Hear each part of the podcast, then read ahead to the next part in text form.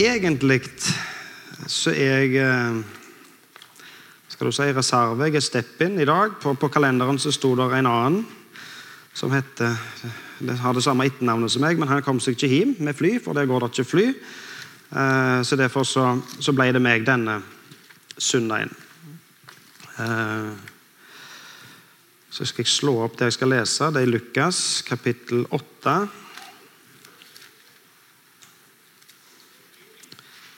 I Lukas kapittel 8, og så skal vi lese vers 19 og til 21. Um,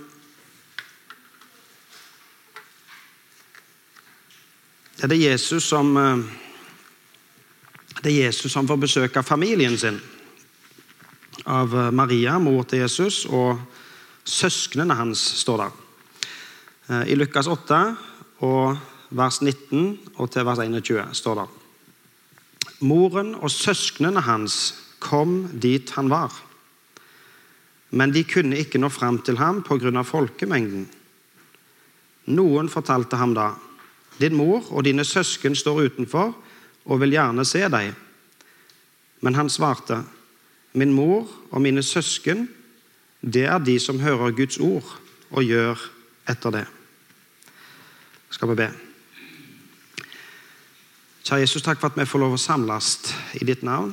Takk for at vi får lov å komme her og høre til. Og høre til i ditt rike og få lov å være med og gi av våre midler til ditt rikes arbeid. Og du velsigne det som ble samlet her i kollekt. Og så ber vi om at du må være med oss i fortsettelsen, og at vi får lov å høre hva du vil si til oss. I ditt navn. Amen. Hvis du, eh, hvis du leser Bibelen fra perm til perm, eller hvis du blir opp og kanskje, kanskje spesielt i Gamle testamentet, eh, og prøver å lese noen bøker, så vil du ganske fort finne ut at det er eh, en del ting som går igjen. Det er mange ting som går igjen, for all del, og det er mange ting som, er, som absolutt eh, skal si, Det å anbefale å lese denne boka fra, fra perm til perm, men du vil finne ut at det er noen plasser som er litt skal du si, litt mer krevende å lese enn andre plasser. Eh, og gjerne Det som er mest krevende og det som er mest krevende å følge med på og få noe ut av, det er det at det står ei gru med plasser om eh, ettertavler. Det står ganske mange sider, lista opp navn på navn på navn, på navn, eh, og ganske uvanlige navn for vår del. Og Da står at eh, han heter det, og han var far til så og så, han levde så og så lenge. Og så var det neste. Han ble så og så gammel, og han var far til så og så. Og så var det neste. Og så fortelles det hvem som var far og sønn og far og sønn, og hvor lenge de levde. Stort sett. Og Hvis de var konger, så står det at de var gode konger eller dårlige konger. At de holdt seg til, eh, til Guds ord, eller om de ikke gjorde det. Og til og med du leser, Når du leser Nye testamentet og slår opp i evangeliene, så får vi en ganske lang slektsliste over Jesus sin slekt òg.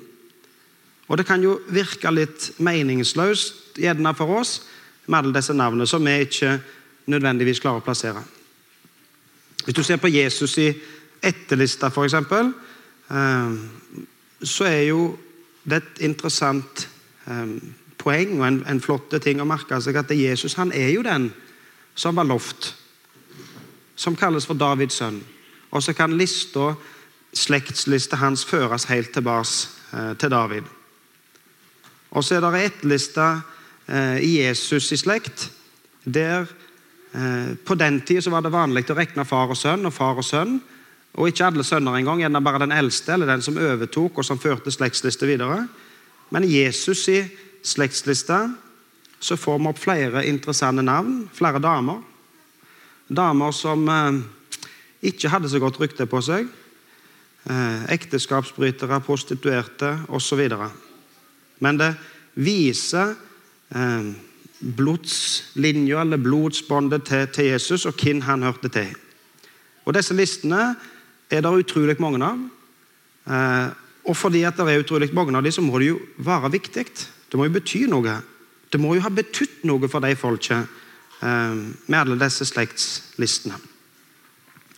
Vi leser om når Abraham skulle finne eh, kona til sønnen sin, Isak. Han hadde jo flytta vekk, ganske langt vekk.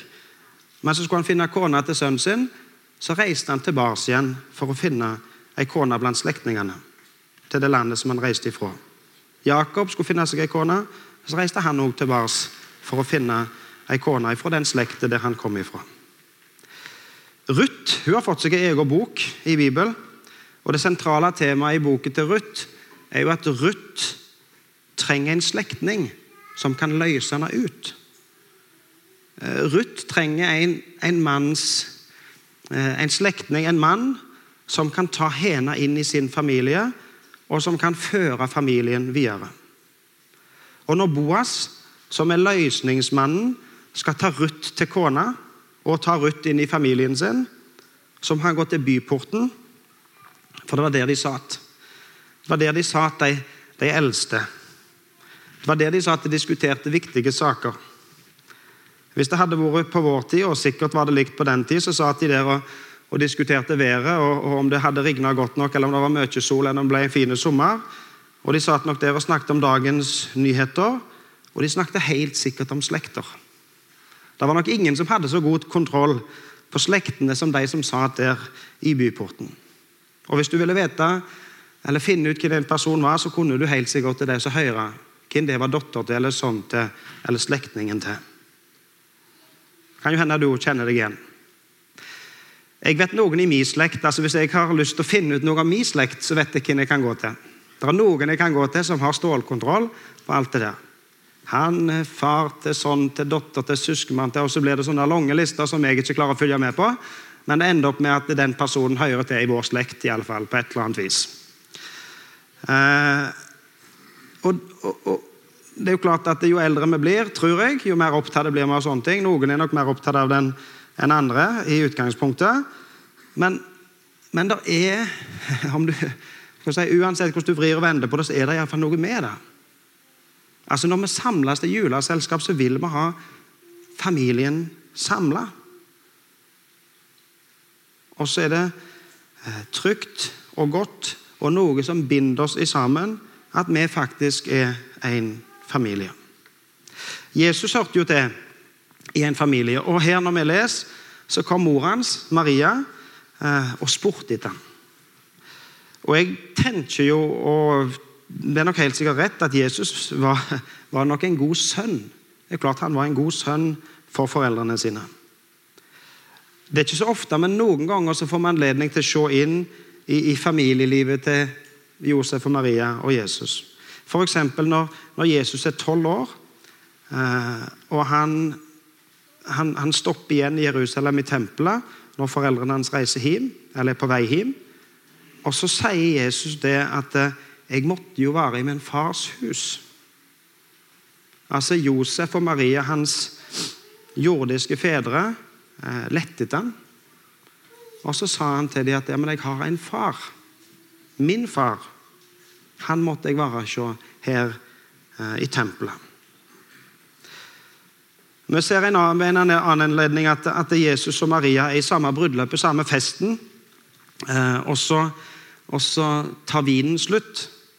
Og så er det Maria, mor til Jesus, som overrekker bekymringsmeldingen om at det der er slutt på vin. De har ikke mer vin igjen. Jesus reagerer og sier men Han sier til Maria 'kvinne'. altså Det, høres, det ser mest ut som om, som om han ikke registrerer at Maria er hans mor, men han, han responderer til Maria eh, og sier 'hva har det med meg å gjøre'? Men så ser vi at uh, han, han gjør underet, og det blir mer vin i bryllupet. Og nå er mor hans eh, i denne teksten som vi leste, eh, og spør etter ham. Mor hans og søsknene hans kom der som han var, eh, for å spørre etter ham. Men så sier han Han svarer de at min mor og mine søsken det er de som hører Guds ord og gjør etter det. Det virker mest som han ignorerer familien sin og svarer noe helt annet enn det som han egentlig ble oppsøkt for. Jeg tenker, Bryr ikke Jesus seg om, om familien sin?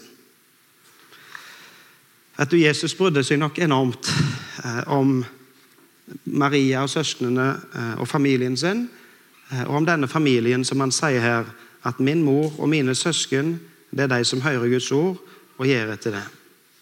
En interessant eh, bemerkning om hvordan Jesus har brutt seg om Maria. Når Jesus hang på korset, så ser Jesus på Johannes, disippelen, og på Maria, mor si, og så sier han til Maria at nå er Johannes din sønn. Og så sier han til Johannes Johannes, nå er Maria din mor. Og, og Maria var jo ikke mor til Johannes, men så står det at fra da av så tok Johannes Maria hjem til seg. Og til og med når Jesus var helt på slutten av sitt si, vanlige jordiske liv, eh, så hadde han omsorg for mor si, for Maria, og sørga for at hun ble tatt vare på av Johannes. Men hva er det Jesus sier her? da? Hvorfor, hvorfor sier Jesus dette at, eh, at, eh, mine søsken det er de som hører Guds ord, og gjør etter det? Jo, Jesus forteller oss at han har en annen familie òg. Jo, klart det at Maria er hans mor, og, og hennes familie altså, eh, Hans søsken det er jo hans familie. Men han har òg en familie av de som tror. De som hører Guds ord og gjør etter det. Altså du som hører Guds ord. Du som tar imot Guds ord. Du som tror Guds ord og gjør det som Guds ord sier. Du er hans familie. Hans Svein Erik leste til oss noen vers om, om, om trufasthet. Eh, og om eh, Det første han leste, nå kommer ikke på, jeg tror det var fra salmene, om når Gud skapte.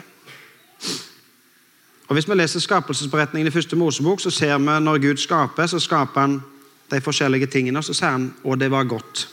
Det var godt. Alt som Gud skaper, når han skaper det, så sier han det var godt. Men så er det én plass, én gang, han sier at noe ikke er godt. Hva er det han sier at det ikke er godt? Jo, han sier det er ikke godt for Adam å være alene. Og så skapte Gud en annen av samme slag, står det. Sånn at de to skulle være sammen. Så at de to skulle være en familie. At de to skulle høre i lag. For det var faktisk ikke godt for Adam å være alene. Når vi leser nyheter i Norge, og gjerne mest i den vestlige verden, eh, så, kan vi lese at ensomhet er et økende problem i Norge.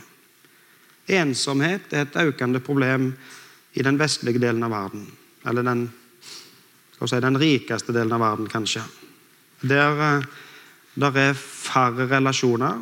Det er folk som lever uten relasjoner, ute, uh, uten familie. Det kan hende det er brutte relasjoner, har vært relasjoner før. Det kan hende det uh, har skjedd ting i familien som gjør at uh, at nå er det færre eller ingen som hører til i den familien. Også ensomhet faktisk blitt et så stort problem at det er et samfunnsproblem. Livet blir vanskelig når en er ensom. Men så er samfunnet vårt ganske underlig. Samfunnet vårt er jo, er jo det mest individualistiske i historien. Altså Det er viktig for oss å stå på egne bein. Det er viktig for oss å klare oss sjøl. Det er viktig for meg at jeg kan ta vare på meg sjøl. Og ja, selvsagt er det noe viktig i det. Men så fører det òg med seg at det er viktig for oss å unngå, unngå bindinger. Og, og at du, du, du, du, sørger for at det er ingenting som begrenser deg. Vi har et ord som heter sjølrealisering. Hvordan kan jeg få realisere meg sjøl? Hvordan, ehm, hvordan kan jeg leve livet mitt uten begrensninger? Og i vårt samfunn som er så individualistisk, så er det jo mest underlig at vi binder oss til andre personer. Hvorfor binder vi oss egentlig til andre personer? Jo, Bibelen svarer på det. Det var jo ikke godt for Adam å være alene. Mennesket er skapt for å leve i fellesskap med andre.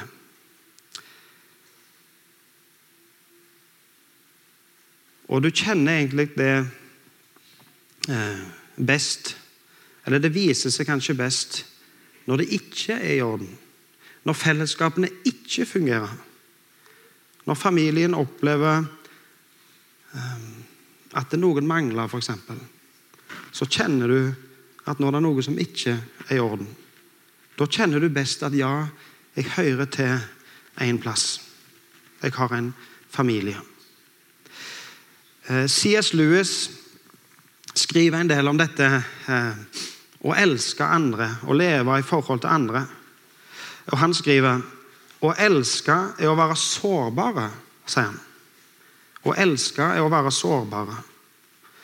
Og når du er glad i noe eller noen, så vil hjertet ditt bli vridd og sannsynligvis knust. Altså Hvis du, hvis du gjør det Hvis du si, hvis du, hvis du hvis hjertet ditt blir glad i noen, så vil det kjennes i hjertet ditt. Um, og det vil sannsynligvis bli knust på et eller annet tidspunkt, sier C.S. Lewis. For hvis du, hvis du vil holde hjertet ditt intakt, så må du aldri gi det til noen. Pakk det forsiktig inn i hobbyer og luksus. Og lås hjertet ditt inn i deg sjøl og inn i din egen egoisme. Da vil det bli uknuselig, sier C.S. Lewis. Og så reflekterer nok han mer rundt det, altså. Fordi at eh, hva skjer da hvis du passer på hjertet ditt på den måten? Hvis du låser det inn i din egen, egen egoisme og sørger for at ingen ytre påvirkninger får påvirke, og ingen eh, bindinger får lov å knuse hjertet ditt, jo til slutt så vil jo hjertet bli totalt knust, øyelagt. For det at du er egentlig skapt til å leve i et fellesskap.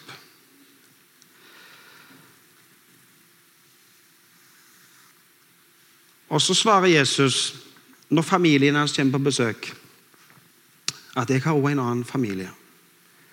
Jeg har en familie av de som, som er Guds familie. De som hører Guds ord, de som tar imot Guds ord, de som tror eh, på Han. Og så gjelder det fellesskapet, den familien og den slekten, den gjelder òg oss her på bedehuset. Altså det familiefellesskapet det gjelder i den forsamlingen der du hører til. Det gjelder i den kristenflokken som du er en del av. Og det er utrolig vanskelig å leve som en kristen uten kontakt med familien.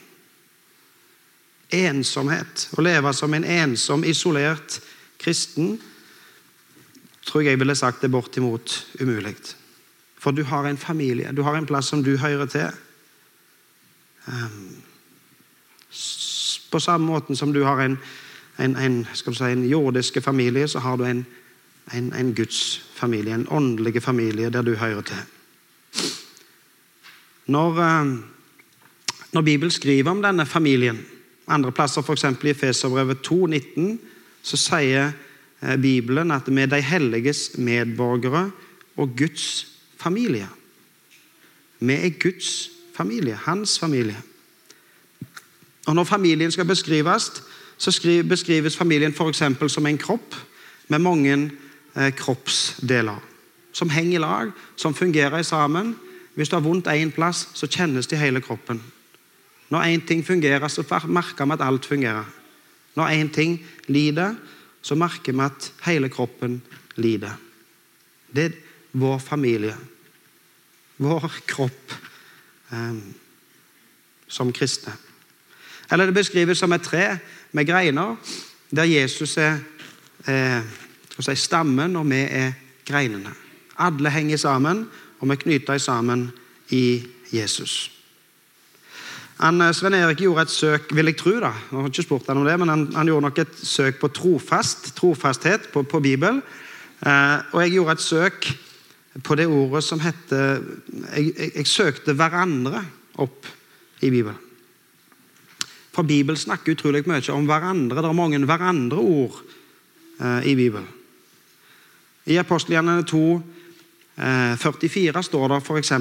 Der er ikke hverandre nevnt, men er innholdet er likevel det samme. apostelgjerningene 2,44, så står det om de troende, de første kristne, at de holdt sammen og hadde alt felles. De holdt sammen og hadde alt felles. Og så var ikke det bare ei lita gruppe med folk. Det var jo flere tusen egentlig som ble, som ble kristne så tidlig som i apostelgjerningene 2.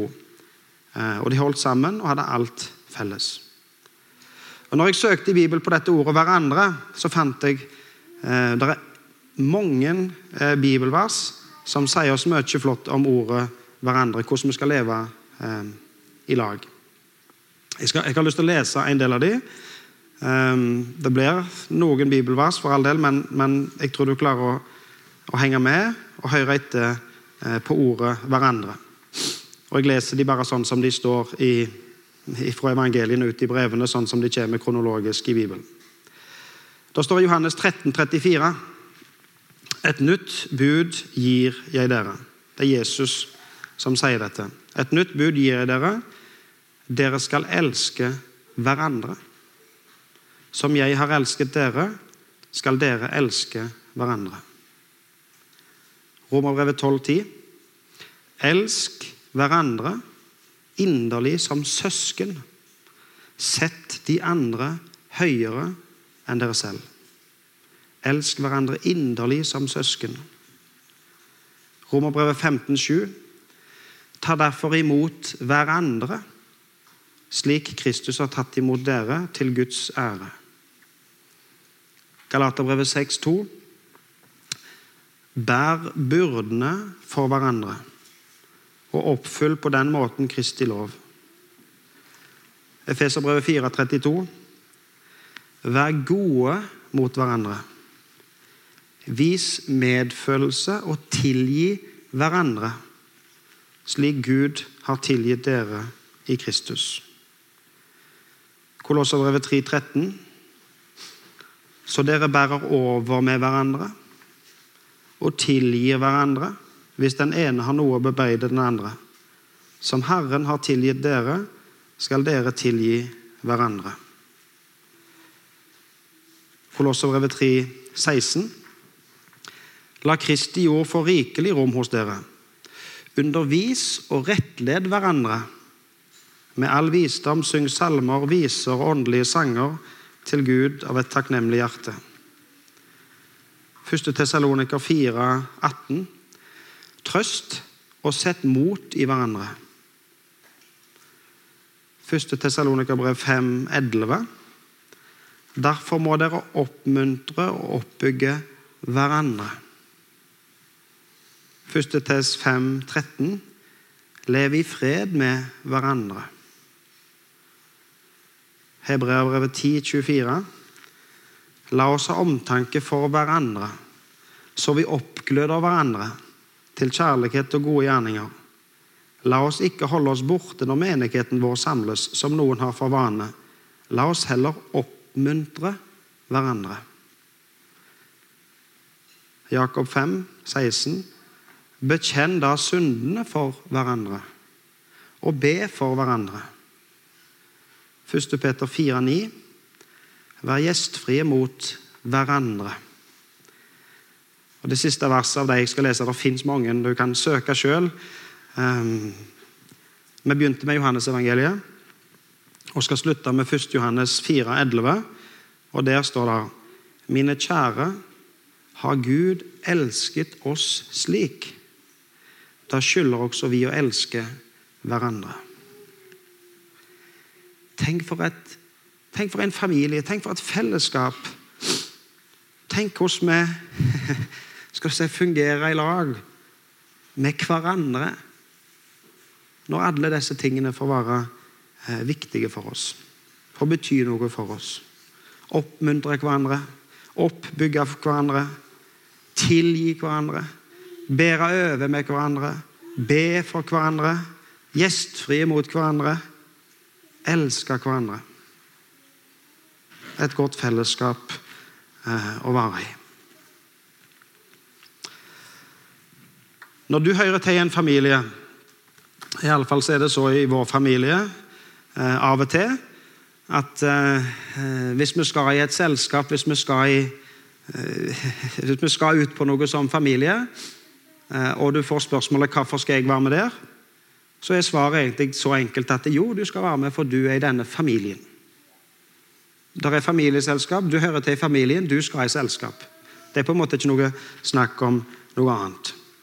For hvis du ikke er der, så mangler du i den familien. Det er bare du det er bare du som kan fylle din plass i familien. I Efeserbrevet 4,16 så står det ut fra ham, altså Jesus, blir hele kroppen sammenføyd og holdt sammen av hvert bånd og ledd, alt etter den oppgave hver enkelt har fått tilmålt, så kroppen vokser og bygges opp i kjærlighet. Alt etter den oppgave hver enkelt har fått tilmålt. Du hører til i familien. Du hører til her. Når din stol er tomme, for å si det så, så, så mangler det noe. Og det er bare du som kan fylle din plass. Bare du som kan ta de oppgavene. Og så tenker du kanskje på at ja, men mine oppgaver, min tilstedeværelse, er ikke så viktige som henne eller han. Men du som hører til i familien, det er ingen andre som kan ta din plass. Din plass er viktig i denne familien. Ta din plass.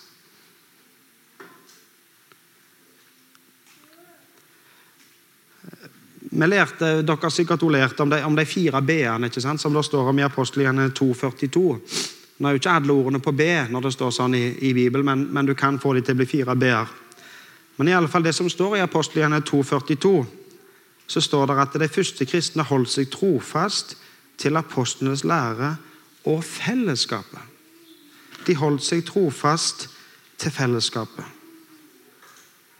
Og Vi leste i Hebreabrevet 10 der det står 'La oss ikke holde oss borte når menigheten vår samles'. Ta din plass i familien. Vær der når familien din er samla. Og så er det jo klart vi forstår, og alle forstår, at eh, noen ganger blir det annerledes, og noen ganger er du ikke til stede på samme måten. Eh, men da er det kanskje ekstra viktig å høre til i familien. Når ting blir vanskelige, eh, og vi trenger familien vår ekstra mye, så er det kanskje enda viktigere å høre til og være en del av. Sånn at vi kan få lov å ha omsorg for hverandre, sånn som det sto i de ordene som vi leste. Og be for hverandre. Bær byrdene for hverandre, osv. Så, så er jo klart at Vi som sitter her på Vea, vi er bare en liten del av familien. Hvis du tenker på Guds store, store familie. Og Derfor så har Gud også sagt at han vil at alle mennesker skal bli frelst. Det siste han sa i, evangeliene, var jo det at han sa 'gå ut'. Gå ut og gjør alle folkeslag til mine disipler. Lær de, forkynn, eh, utbre Guds rike, Guds familie. Et ord som jeg tror jeg har sitert kanskje litt for mange ganger før, men, men i alle fall i 1. Johannes 3, 16 og 17 som et ord som av og til eh, slår meg litt og gir meg dårlig samvittighet. Og så er det nok ikke meningen at det skal gi oss dårlig samvittighet, men det gjerne det likevel. Eh, ja, la, meg lese det, så forstår du hva jeg mener. Hva kjærlighet er, har vi lært av at Jesus ga sitt liv for oss. Så skylder også vi å gi vårt liv for våre søsken. Jesus gav sitt liv for oss. Vi skylder å gi vårt liv for våre søsken. Og så vers 17. Men den som har mer enn nok å leve av, og likevel lukker sitt hjerte når han ser sin bror lide nød, hvordan kan han ha Guds kjærlighet i seg? Når vi hører til denne store Guds familie, og når vi ser og erfarer både her i vår flokk eh, og andre plasser i den store verden at ikke alle har det så godt som vi har det. Hvordan kan vi da lukke vårt hjerte? Da blir det sånn som CS Lewis sa, vi kan pakke det inn. og sørge for at ingen får påvirke oss, så slipper vi den smerten og se at andre lider. Så slipper vårt hjerte å bli knust. Et bitte, bitte lite eksempel. Vi var, i, vi var 25 fra forsamlingen her som reiste på tur til, til Tanzania i januar. Og Vi møtte mennesker som, som, lever under helt andre forhold enn det vi gjør. Um, vi var mange plasser og kunne fortalt mange historier, men bare et lite innblikk. Vi var eh, i en liten menighet i en liten landsby som heter Pida. Og menigheten har, eh, Vi har vært med å samle inn penger vi har vært med og hjulpet dem til å bygge noen vegger, som er starten på et kirkebygg. De hadde bygd opp sjøl, og det raste, så vi fikk være med dem og så bygge opp igjen. Eh, og så fikk vi gå på besøk til dem. Og Der sitter de med fire vegger. Eh, bare, bare mur, ingen glaser, ingen murpuss, ingen maling, ingen gulv. Gulv, men altså bare jordgulv. Eh, og Så setter de opp noen stoler der og, og, og presenning over hodet, så vi får litt eh, skygge for sola. Og så tror jeg jeg kan si at alle vi 25 erfarte at vi kom til noen som var glad i oss. Vi kom til noen som vi kjente et fellesskap i lag med på en måte med en gang vi kom der. Og fordi at de var så utrolig takknemlige og så utrolig eh, glad, eh, så smitta det over på oss, og så, ble vi jo glad. Eh, og så var det en del av oss som reflekterte rundt etterpå. Tenk at de 10-12 menneskene som sitter der i Pida, som ikke har tak over hodet engang, tenk at de er så glad. Altså, de, de sang, og de delte med oss både, både brus og peanøtter. Altså, de, det var på en måte sånn hjertelig velkomst å komme til Pida. Og så fikk vi lov eh, å møte dem og være i lag med dem, og så kjente vi på den samme gleden som de kjente på. På en eller annen måte så smitta det over på oss. Fordi at vi hører jo til i samme familien. Og så er det jo fantastisk flott å få lov å bli smitta av den gleden. Vi burde, jo, sagt, vi burde jo skjemmes når vi tenker på alt det vi har, og hvor lite takknemlige vi er ofte. Det er flott å få erfare den gleden som de i Pida kunne gi oss. Men så blir det også så at det blir en sorg i vårt hjerte når vi tenker på at de samles søndag etter søndag. Steikende sol, ingen tak. Bare noen murvegger som de fortsetter å bygge på. Eh, når de har anledning og midler til det. Og så påvirker det oss, og så gjør det sånn at det blir, vi blir nødt for å være med og hjelpe. Et lite eksempel på hvordan vi hører eh, i lag i Guds familie. I Guds familie så har vi nå skal ikke jeg bruke noe eksempel, for jeg, jeg, jeg, ikke, jeg, ikke oss, så er jeg den eldste, så jeg er, den, jeg er storebror for to andre. Um, men jeg skal ikke nevne mer om det. For i Guds familie så har vi jo en kjempeflott storebror. Den, vi har jo den perfekte eh, storebror. Og Om den perfekte storebror så står det i Hebreabrevet 2, og vers 17-18 så står det Derfor måtte han, Jesus, på alle måter bli lik sine søsken, så han kunne være en barmhjertig og trofast øverste prest for Gud og sone folkets synder. Fordi han led og ble fristet, kan han hjelpe dem som blir fristet. Han måtte på alle måter bli lik sine søsken. Hvem er hans søsken? Jo, hans søsken er jo deg og meg. Og Det står om han at han er barmhjertig og trofast. Og han er øverste prest for Gud. Hva gjorde øverste presten? Jo, øverste presten han, han bar offeret framfor Gud, så at folkets synder ble sona. Og han er en øverste prest for Gud, så at han kan sone våre synder. Og han led og ble fristet. Og han kan hjelpe dem som blir fristet. Han kan hjelpe oss. Han er din bror og Gud er din far.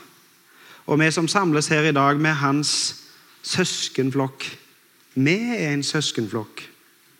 Og så er det mange søsken i Guds store familie.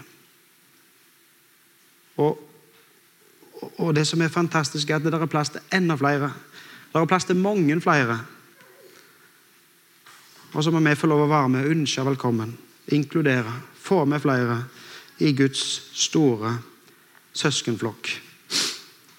Hvis du vil ta vare på hjertet ditt, hvis du vil sørge for at hjertet ditt ikke blir knust, så må du ikke gi det til noen. Pakke det inn. Gjem det inni deg sjøl. Jesus, han, han gav hjertet sitt. Han gav hjertet sitt til deg. Han gav alt til deg. Og hans hjerte ble knust for deg. Gi hjertet ditt til han. Gi hjertet ditt til Jesus. La han få lov å være din perfekte storebror. La han få lov å ha omsorg for deg, gi livet sitt for deg. Et siste C.S. Lewis-sitat. C.S. Lewis sier Når jeg elsker Gud mer enn det som jeg elsker på jord, da blir jeg i stand til å elske alt det som jeg har på jord. Tror du den? Når jeg elsker Gud mer enn alt det som jeg elsker på jord, da blir jeg i stand til å elske det som jeg har på jord. For når det viktigste får førsteplass, så blir ikke andre ting mindre viktig, men mer viktig. Når det viktigste får førsteplass, så blir ikke andre ting mindre, men de blir større. De får en bedre plass, egentlig, når Gud får førsteplassen i livet vårt. Skal vi be til slutt. Kjære Jesus, takk for ordet ditt til oss. Takk for at du elsker oss, gav deg sjøl for oss, gav hjertet ditt til oss. Og Jesus, må du skape et nytt hjerte inni oss, som kan være sånne som har omsorg for hverandre. At vi kan få lov å leve i lag som en familie. Som dine søsken, som Guds familie. Og hjelp oss du å være med og ta imot flere. Og lage din familie større. Både her på Vea og ut i hele verden. Takk for at vi får lov å samles her på bedehuset. Jeg ber om at du må være med oss både i dag og resten av sommerferien og når høsten kommer. I ditt navn. Amen.